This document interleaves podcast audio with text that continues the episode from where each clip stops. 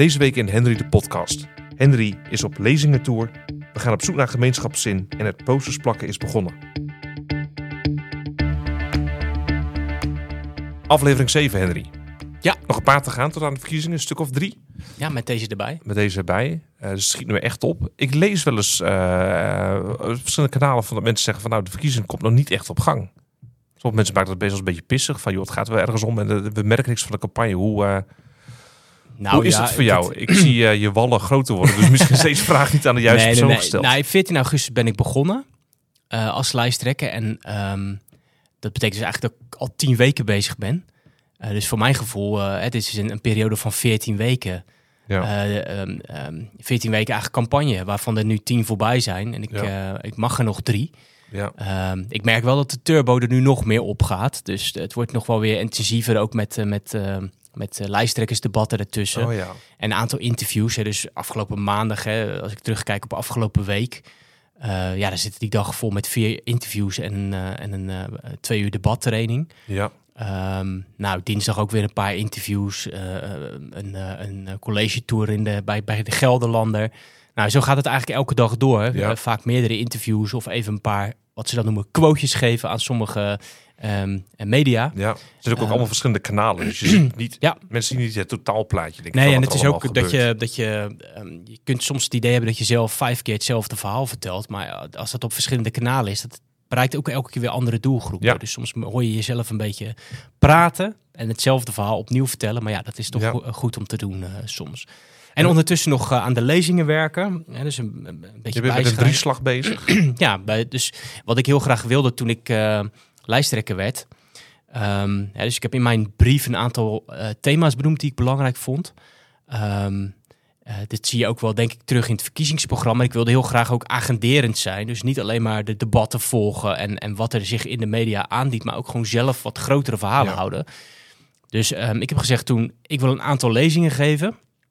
Nou, de eerste was natuurlijk de Hannie van Leving lezing, die vooral over bestaanszekerheid ging. Ja. Maar daarna zei ik van ja, het lijkt me ook heel leuk om nog drie andere grote lezingen te geven. Nou, Ja. dat hebben we helemaal ingepast. Maar ja, ehm, eh, op het moment dat je ze moet geven en je kijkt dan naar je agenda, denk je, oh, ehm, mijn hemel, had ik dat allemaal wel moeten doen. Ja. Ehm, maar tegelijkertijd is het ook fantastisch. Dus eh, ja, onder Ja. druk, we moeten er heel hard aan werken en eh, elk gaatje vinden om er dan weer even aan te schrijven en, en, en nou, te corrigeren. Want je blijft natuurlijk bijna tot op het laatste moment aan schaven. Ja. Ehm, maar het zijn ook hele mooie avonden. Dus ik heb afgelopen zaterdag de eerste gedaan. Eh, gisteravond, dus woensdagavond. Het is nu donderdagmiddag. Woensdagavond hebben we, gisteravond hebben we de tweede gegeven. ja. Gaan we straks even op in. Ja, en dat is dus een, nou, een lezing van een minuut of twintig... plus dan een, eh, een, een, vraaggesprek met de zaal. Ja. Ehm, en dan komt 11 november de derde. Derde, Ehm, ja. nou, en dan proberen we een aantal thema's eh, te bespreken. Ja, ik vind het heel leuk om te doen. Hè. Sommige eh, mensen zeggen, ja, waarom ga je niet bij een talkshow zitten? Nou, daar zit ik al best wel regelmatig. Ja. Maar dit is een hele andere manier. Ook, en ik vind het ook heel leuk om het, om het gesprek aan te gaan. eh, vragen te krijgen, kritische, te vra- Ja. eh, kritische, originele vragen te krijgen. En net wat grotere thema's ook op te pakken, kan ik Ja. me voorstellen. Eh, Volgens mij zei Paul van Tongeren het ooit als denker des vaderlands. Want de politiek zou misschien gewoon eens af en toe debatten moeten organiseren die alleen maar gaat over ideologie. Dus alleen maar mensbeelden, eh, visie op de wereld, levensbeschouwing. Nou, dit soort lezingen dragen er een beetje aan bij misschien. Ja, en zou ik er vind meer dat, over moeten gaan. Ja, en ik vind dat zelf heel leuk om te doen. Ook om dat ideologische stuk erin eh, in te krijgen. Ehm, omdat ik dat zelf ook wel vaak mis, inderdaad, in alle snelheid van debatten. Ja. Ehm, kom je er ook vaak niet aan toe hoor, om met ideologie te komen. Maar ik denk wel dat het heel belangrijk is om te, om te doen. Ja, nee, dat kan ik me voorstellen inderdaad. En dat het, het lijkt soms wel een beetje zo'n campagne als politici zeggen van het moet vooral over inhoud gaan. Dat ze dan alsnog cijfertjes bedoelen en concrete beleidsonderwerpen. Terwijl inhoud is natuurlijk ook ideologie. En dat je eens Ja. wat breder kijkt dan van hoe zie ik de mens. Wat betekent dat voor de economie als ik de mensen zie? Of wat Ja. betekent dat voor migratie? Of wat betekent dat voor de? Excuus, voor de woningmarkt? Of eh Ja. maar op. Het is natuurlijk soms nog best wel lastig om het helemaal concreet door te vertalen. hè. Dus als je het, het mensbeeld van het CDA pakt en, het, en de samenlevingsvisie, van hoe vertaal Ja. je dat dan nou door naar dan die hele concreet, concrete eh, beleidsmaatregelen. Ja. Maar die, het is wel leuk om dat dan te proberen. En dat is wat ik in die lezing gisteravond ook heb eh, geprobeerd te doen. Ja, gaan we straks even op in. Heb je nog verdere hoogtepunten die we even langs moeten van deze week? Een interview Ehm, dat er uitsprak, uitstak, bovenuit stak. Nou ja, voor mij was dat dus wel die lezing. eh, Ja. ehm, en voor de rest heb ik heel, weer heel veel media-optredens eh, gedaan. Je bent niet van de buis te slaan. Ja, en nou, ook veel kranteninterviews. Kranten, Ehm, en de ene is ook gewoon leuker als de ander. Zal ik ook heel eerlijk in zijn. Bij de ene Waar zit hem dat in? Ja, dat, is, dat hangt ook wel echt af van wat voor type vragen er worden gesteld. Ja. Eh, hoeveel interesse is er nou echt in dat, in dat meer inhoudelijke verhaal? Ja. Ehm, ja, dat ook vast aan mij liggen. De ene keer eh, zit je beter in je vel dan de andere keer, denk ik. En, Ja. eh, dus het is ook de interactie tussen eh, journalist en, en lijsttrekker. Snap ik. ik. Als luisteraar heb ik het soms wel dat ik vragen of een stel vervelend vind. Ik kan me voorstellen dat je het als geïnterviewde ook hebt. Dus ik vind het wel verfrissend om Heel dat... stiekem misschien soms wel. Maar ik zal natuurlijk nooit vertellen waar en wanneer dat is. Nee, dat moet je ook zeker niet doen. Dat en is, je moet het altijd bij jezelf houden. ja. Je moet ook kritische vragen kunnen beantwoorden. Goed, dan, dan het stuk inhoud van deze week. Dan pakken we het thema op waar je gisteren een lezing over hebt gehouden. Het ging over gemeenschapszin. Ja.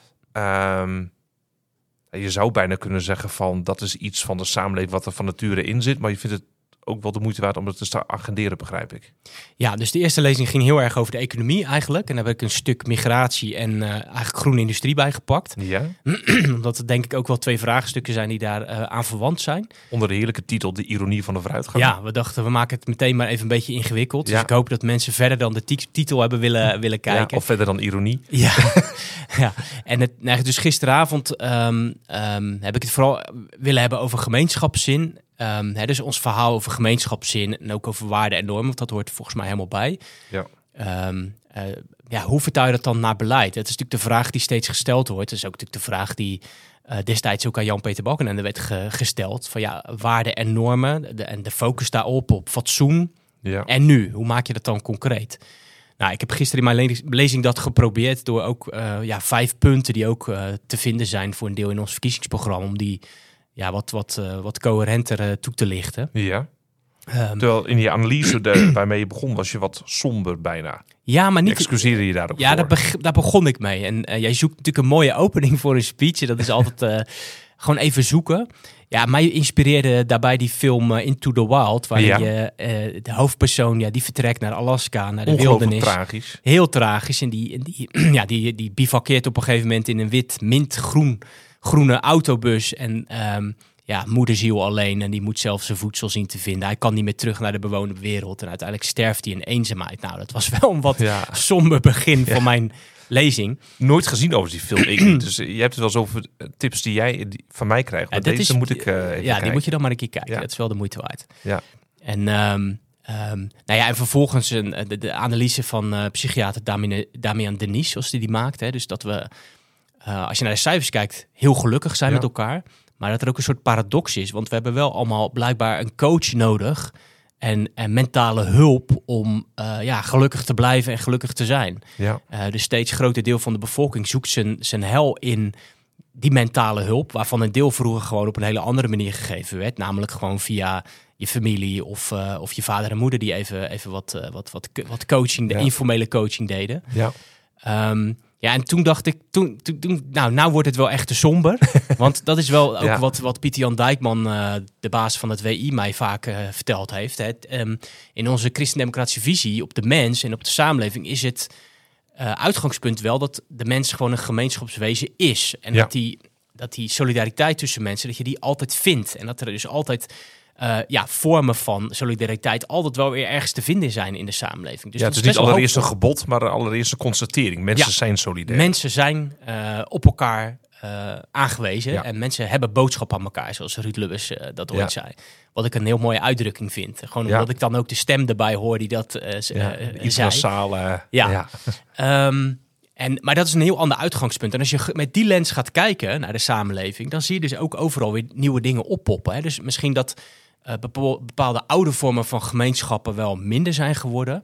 Maar je ziet ook dat het echt absoluut niet weg is. Hè? Dus we hebben nog steeds in Nederland een heel bloeiend verenigingsleven.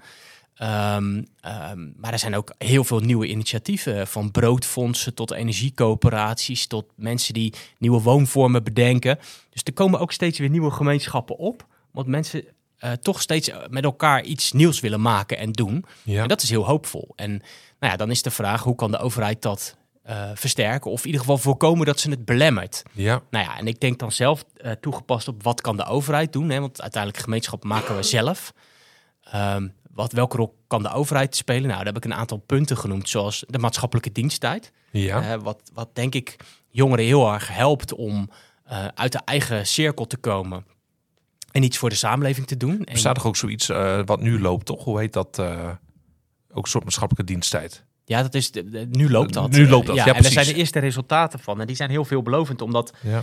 Ehm, een, best wel flink percentage van de jongeren, ik meen even uit mijn hoofd, een kwart, ehm, blijft actief bij de organisatie waar ze het werk hebben gedaan. Oh ja. Eh, dus dat zijn eh, vaak, vaak maatschappelijke organisaties.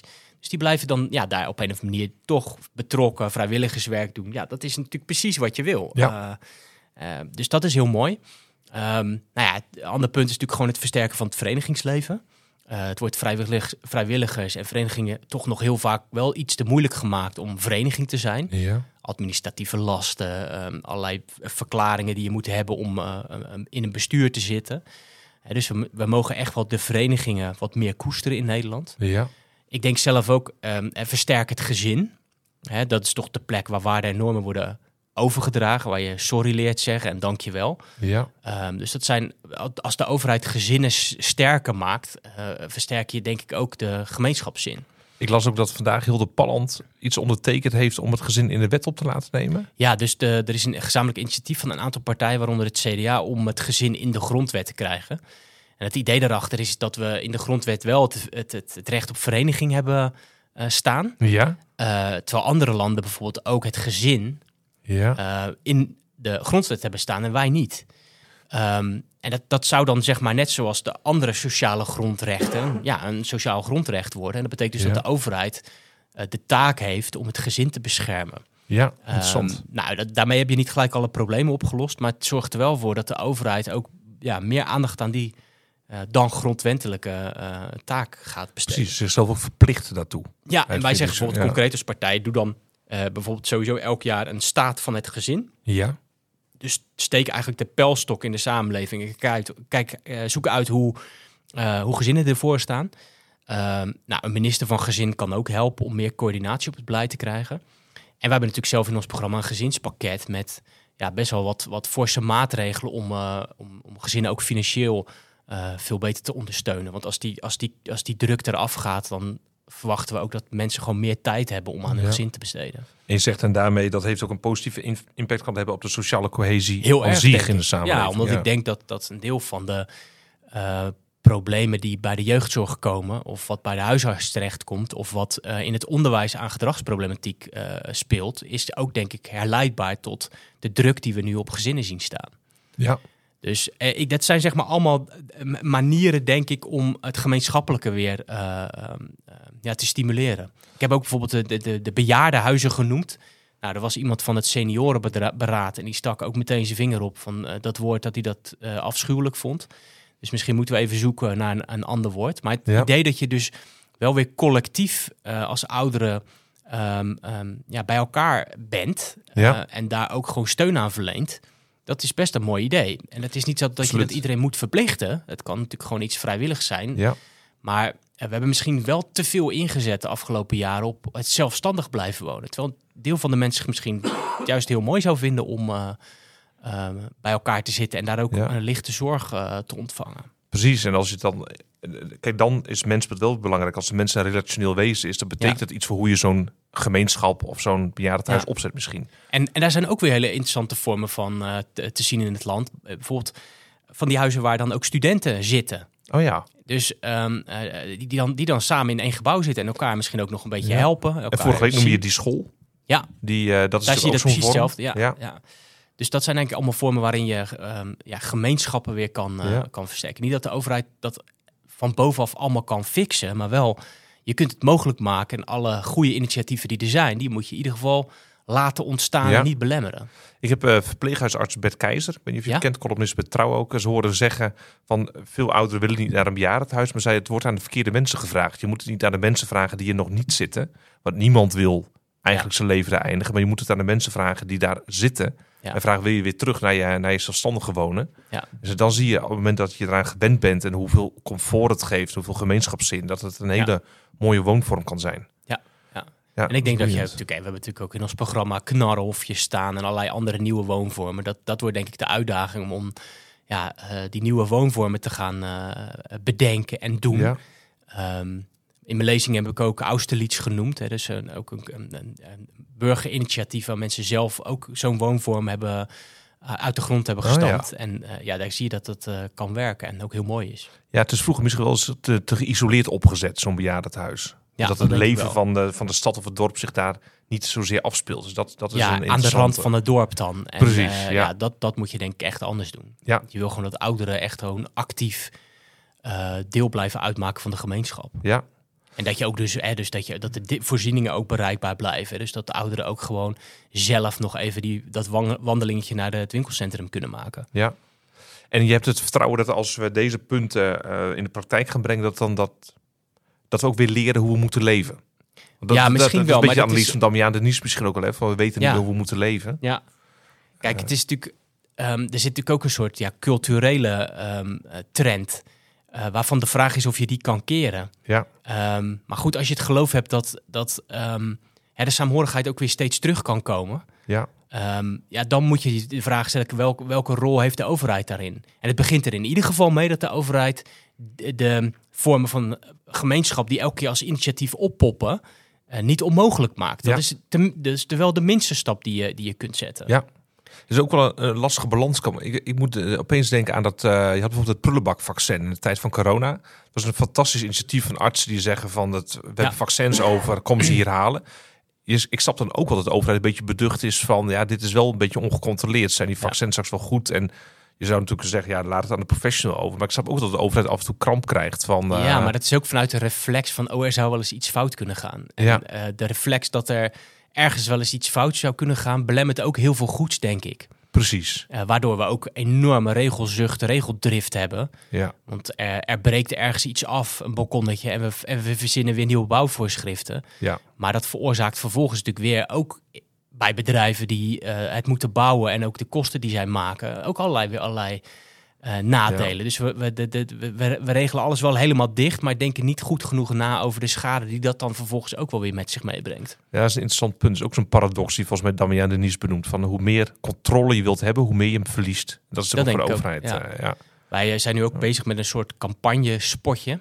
Of een, ja, een soort, soort, soort nou, uitleggen wat we bedoelen met een fatsoenlijk land. Ja, Ehm, en daar zit ook de, de zin in dat, dat, ehm, hè, dus dat, dat, eh, waarden en normen, als je dat echt zelf voelt, ja, dat maakt eh, misschien wel honderd wetten, honderd regels overbodig. oh ja, En eh, ik denk dat dat wel zo is. ja. Inderdaad. Eh, interessant. We gaan het, en de, de laatste lezing kun je al een volproefje geven wat het thema is. Ja, die zijn we nog in de verf aan het zetten. Ja. Ehm, eh, maar die zal meer gaan over Europa, Ja, maar ook over regio's. ja, Dat klinkt een beetje als een gekke combinatie.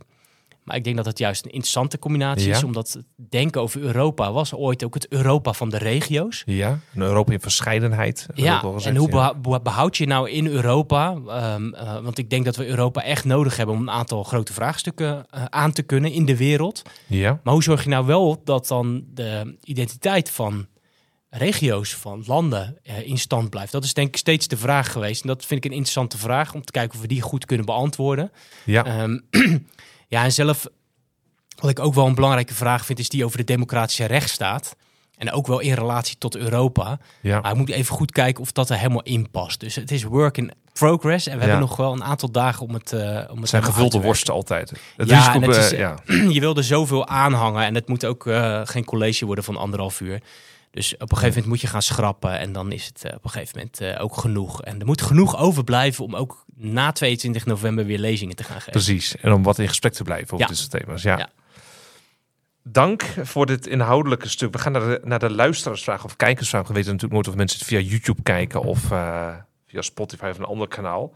En die gaat over, is wat een bezorgde vraag. Van de, ik begon net mee van, is, komt de campagne wel al genoeg op gang? Jij zegt van ja, maar deze luisteraar ziet dat in elk geval ook. Die vraag is af van, hoe blijf je een beetje ontspannen eronder? Ook omdat je in de vorige aflevering gaf je al aan van, ja, je hebt geen tijd om films te kijken. Wat volgens mij, dat is ultiem ontspannen of een boek lezen. Het is er allemaal even niet bij. Accepteer je dat er geen ontspanning is? Of vind je nog momenten van verlichting? Ik vraag Ja. me wel af of die luisteraar dat niet mijn vader of mijn moeder is. Ja, staan geen namen bij. Nee, is daar geen. Nee, Dus ik zie ze niet. Nee, dus Nee. dat is, dat is ja. Mijn ouders stellen natuurlijk ook wel eens die vraag: eh, Ja. eh, hou je het vol? ik, tot nu toe hou ik het denk ik goed vol. Maar dat, ja, het eerlijke antwoord is ook wel dat ik de laatste dagen eh, gewoon wel weinig momenten heb om eh, echt te ontspannen. Ehm, ik probeer af en toe even ergens een blokje te vinden om dan gewoon nog even hard te lopen. Dat helpt Oh wel. Eh, dus ik ga proberen dat eh, morgen of overmorgen nog even te doen, ergens tussendoor. Lekker. Ehm, ja, en kijk, ik, ik, ik- we hebben nog eh, een dag of eh, 21 ja. eh, te gaan. Dus in mijn hoofd is het ook gewoon, daar zit een, een, een deadline op. En Ja. ik, ja, ik heb eh, de gekke uitdrukking in, een, in het AD-interview gebruikt dat ik mezelf als een citroen uitknijp. Ehm, eh, en dat is wel een beetje zo. Ik probeer gewoon eh, ja, het maximale te geven zoals een topsporter eh, dat probeert te doen. Je wil gewoon het beste resultaat. Dus Ja. ik ga nog even die, die laatste 2,5, 3 weken zoveel mogelijk proberen te geven in die campagne. En dan heb ik in ieder geval als we 22 november een uitslag hebben, wel voor mezelf het gevoel dat ik er alles aan gedaan heb. Precies. En dan komt er hopelijk ook het verdienen ontspannen. En je piano die stond eerst opgeslagen vanwege verhuizing. Nee, die staat nog steeds opgeslagen. Oh, wat ja, ik dus zou zeggen, druk je agressie niet Nee. op kwijt. Dus dat is wel een... eh, En de, de, Maar goed, de dus- vleugel hier in de, in de kamer. ja, die gebruik ik heel af en toe. Oh ja. Ja. Lekker. Ja, dus eh, even aftellen. That's. Aftellen, ja. ja. maar het klinkt heel dramatisch. Want het is ook echt heel mooi wat we aan het doen zijn. Ja. En ehm, er is, de, de, de stemming is hier heel goed. Ja. Eh, eh, want we zijn eh, voor ons gevoel wel mooie dingen aan het neerzetten. En ik zie ook heel veel kandidaten nu heel actief worden. Ja. Hè, met, met filmpjes en, en allerlei acties. En dat vind ik ook geweldig om te zien, eerlijk Ja. gezegd. Hè. Dus ja, en wat, dat, wat vind ik ook zo mooi. Dat is, dat, is, dat is misschien mijn inspiratiemoment. Of komen we daar strks nog op? Daar komen we straks op. Je moet je Oh. wel aan de volgorde Ja, houden. sorry. natuurlijk. Ik, Dan ben ik, ik- helemaal. ik- Ik heb de agenda is bij jou, sorry. Ja. nee, dat is een goeie. Dat, eh, eh, dat- dat, is, dat, dat mag je zeker noemen. Ehm, nou, ik hoop de kijker gerustgesteld. Laten we dan nu aan ons inspiratiemoment beginnen. Daar begin jij dan maar met de. Ja, met dat is heel. Wat is jouw inspiratiemoment geweest? André, moet ik dan zeggen. Ja, dat vind ik wel chiquer. Ja. Mijn inspiratiemoment is, dat komt eigenlijk uit een boek, die heb ik vorige week gekregen. Ik was bij de leeskring van allemaal jongeren van het CDA en de jongeren van de ChristenUnie. Die hebben een leeskring en die behandelen echt hele forse, ingewikkelde thema's. Ik heb het daar over medische ethiek en mensbeelden gehad. Dat is echt zware kost, maar dat, zij worden er helemaal blij van. En ze gaven me ook echt zware kost mee naar huis als bedankje. Een boek van Simone Weil, volgens mij jou wel bekend. Je hebt ooit zelfs een biografietje over haar geschreven op je, of biografie. Of Ja, een, een tekstje. een tekstje Mag geen naam hebben. eh, op je Medium-account. Ja. Eh, het boek Wat is heilig aan de mens? En wat ik, eh, wat ik daaruit, ik ben er nu wat aan het lezen, wat ik ontzettend tof vind, maar dat zie je bijvoorbeeld ook bij mensen als Jonathan Sacks, die jij veel leest, en ook Charles Taylor, waar ik ook erg fan van ben, is dat ze een hele mooie subtiele taal, noemt Taylor dat zelf, hebben om naar de cultuur en de werkelijkheid te kijken. Dus ook als je kritisch bent over de cultuur, dat, volgens mij ben je gisteren niet in die valkuil gestapt hoor. Maar dat, het kan wat moralistisch zijn. Hè, dat je zegt Ja. van, ja, wat zuur en eh, niks klopt aan de hedendaagse cultuur en modernisme en aan de mens. Maar zij weten dat heel empathisch te doen. Met heel veel inhoud. Maar toch wel met een soort mededogen naar de mens. En naar de worstelende moderne Ja. mens, zeg maar, in onze eenzaamheid. Die we zelf en- ook gewoon zijn. Precies. En in ons individualisme. Dat is niet alleen maar een top-down kritiek van we zijn individualisten. Maar we worstelen daar volgens mij ook mee als mensen. En ik vind het inspirerend om wat te oefenen met die taal van hen af en toe. Dus met, Ja. empathie en toch wel kritisch op de cultuur. Maar dat wel vol mededogen en liefde te doen. Ja, mooi, mooi. Mooi, toch? Ja, Heel ik heb een heel een totaal ander inspiratiemoment. Oh. Ehm, en dat is, dat is ja, ik, ik krijg nu eh, eh, eh, appjes en foto's op Twitter door van ehm, mensen die de hele dag, of de hele dag, maar mensen die dus posters aan het plakken zijn. Ah, En dat is bevreemdend, want mijn eigen kop staat erop. ja. Dat is best wel Stijfsel. gek. Ja, Ja. En, maar dan, dan, hè, dus dan krijg ik gewoon af en toe lieve appjes van, eh, van eh, actieve leden die zeggen: we, we zijn je aan het opplakken. Of kijk, je, je, je kijkt nu over de schutting. Ja. Of eh, je hangt voor het raam. Of of net kreeg ik nog een appje. We gaan de 4000 eh, van die folders door de brievenbus heen rammen. Oh, ja. Ehm, eh, dus dat, is, dat, is, ja, dat voelt heel gek, omdat, het dan, omdat je eigen hoofd erop staat. En gelukkig op die folders eh, ook, ook de andere kandidaten. ja. Maar tegelijkertijd is het ook, ook heel mooi dat je weet, gewoon jongens, dit zijn we met elkaar aan het doen. Ja. Ik sta Ja, er niet alleen voor. Ik ben een campagne aan het voeren namens een partij die zelf ook eh, actief is en, Ja. eh, en aan het flyeren gaat en eh, op de markt staat en posters aan het ophangen is. ja. En dat geeft mij wel een enorme boost, eerlijk gezegd. Kan dat is een beetje mijn inspiratiemoment. Ja, tof. Ik heb dat zelf ook altijd wel een beetje als je bijvoorbeeld eh, ik ben lid van CDA Zwolle en dan kom je op zo'n ledenvergadering. Vind, er zijn toch maar allemaal mensen, een minderheid van Nederland is lid van een politieke partij, maar heel veel mensen zijn nog wel lid van een politieke partij. En voor dat zit hier dan toch allemaal maar door de week in een zaaltje over Voor niks. voor niks over Ja. vraagstukken na te denken. En omdat ze gewoon het beste met het land voor hebben. En echt iets willen betekenen. En dat doen ze dus ook heel concrete actie te voeren. Maar het is echt wel... Ik snap wel dat dat inspireert je. Ik vind Ja. het zelf ook leuk om te zien. Voor Ja, ons is dat- het wat dat- professioneler. eh, Je bent er altijd mee bezig. Ja. Heel veel mensen die overdag dus andere dingen doen... zijn er in hun vrije tijd ook nog eens mee bezig. Ja, die staan zaterdag in de schuur, staan ze met, met, met behangplaksel, staan ze al die posters eh, eh, te lijmen. En Ja. dan de, de, de, uren daarna op te hangen in het dorp. Ja. Ja, ik vind dat fantastisch. En als ik er wel Ja. eens eh, een klein beetje doorheen zit, dan denk ik, nou, kop op, er wordt voor je gewerkt, gaan. Ja, snap en ik.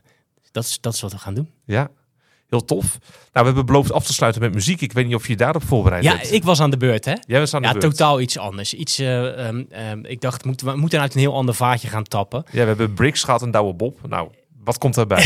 ja, ik dacht wel een popliedje, maar een heel, eh, heel intiem popliedje. ja, Ehm, eh, mijn vrouw en ik, wij zijn fan van detectives. Ja. Een van de betere detectives is toch wel Silent Witness. oké. Dus de, de- Ook nooit gezien? eh, Ja, heel goed. Echt heel goed. V- vinden wij althans. Ja, En een van de eh, series van de afgelopen jaren eindigde die serie met een liedje waarvan we gelijk zeiden, dat is prachtig. Hebben we opgezocht en dat is van eh, Luke Saitel Singh. ja. Ehm, ehm, en dat is een liedje dat heet Killing Me. En dat gaat eigenlijk over. Dat heeft hij voor zijn oma geschreven.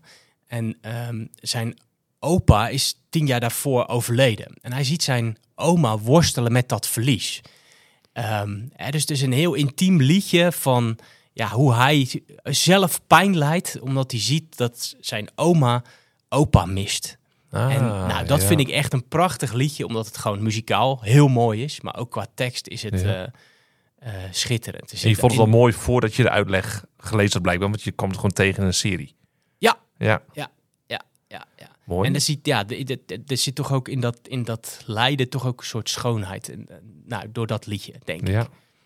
Onze inspiratiemomenten zijn altijd wat belegen en zwaar, maar dat is... eh, Ja, wij zijn een is. stelletje sombere Ja, mannen hier achter zieltjes. microfoon. Ja. Maar de volgende keer wordt het een heel vrolijk liedje Ja. dan, toch? Ja, ik ga mijn best doen. Jij bent aan de beurt. ik ben aan de beurt. Ja, maar dus nu eerst, hoe noemde je de, com- de componist van dit liedje? Eh? Luke Saitel Singh heet hij. Ik weet niet of ik op goed, de naam goed uitspreek, maar zoiets is het. We hebben hem recht gedaan door de muziek te luisteren. Ja, Dankjewel. graag gedaan. I'm living happy, but I'm feeling guilty.